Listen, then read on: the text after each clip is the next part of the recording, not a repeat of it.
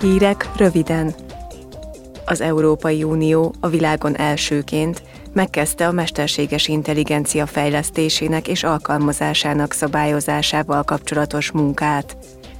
Múlt héten a Belső Piaci és Fogyasztóvédelmi Bizottság és az Állampolgári Jogi, Bel- és Igazságügyi Bizottság tagjai új jogszabályjavaslatokat fogadtak el, hogy kezelni lehessen a felmerülő kockázatokat és növelni az átláthatóságot ezen a téren.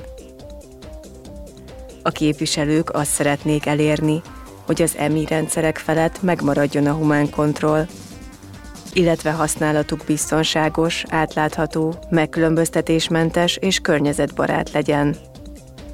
Tilalmat rendelnének el a biometrikus megfigyelésre és a gépi érzelem felismerésre, a legutóbbi plenáris ülésszak alkalmával az Európai Parlament támogatta a termékek ökoszimkéinek és tartóságának a javítására, illetve a környezetbarát jellegre utaló megtévesztő állítások tilalmára vonatkozó javaslatot. A jogalkotói szándék szerint a szabályok egyfelől segítenek a fogyasztóknak megtalálni a valóban környezetbarát árucikkeket, másfelől arra ösztönzik majd a vállalkozásokat, hogy tartósabb és fenntarthatóbb termékeket kínáljanak.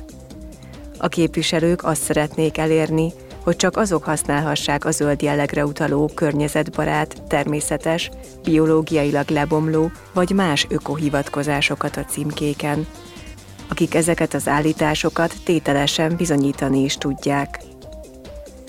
A tartóság kívánalmát szem előtt tartva a parlament emellett be akarja tiltani a termékek hasznos élettartamának tervezett szándékos lerövidítését, illetve az áruk idő előtti elromlását előidéző dizájnt.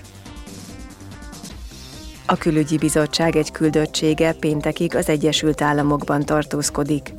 A képviselők a hivatalos látogatás alkalmával Washingtonban és Wisconsinban tárgyalnak majd, hogy elmélyítsék az Egyesült Államok kormányával Biden elnök megválasztása óta folytatott politikai párbeszédet, és találkozzanak a kongresszusi partnerekkel a félidős választásokat követően.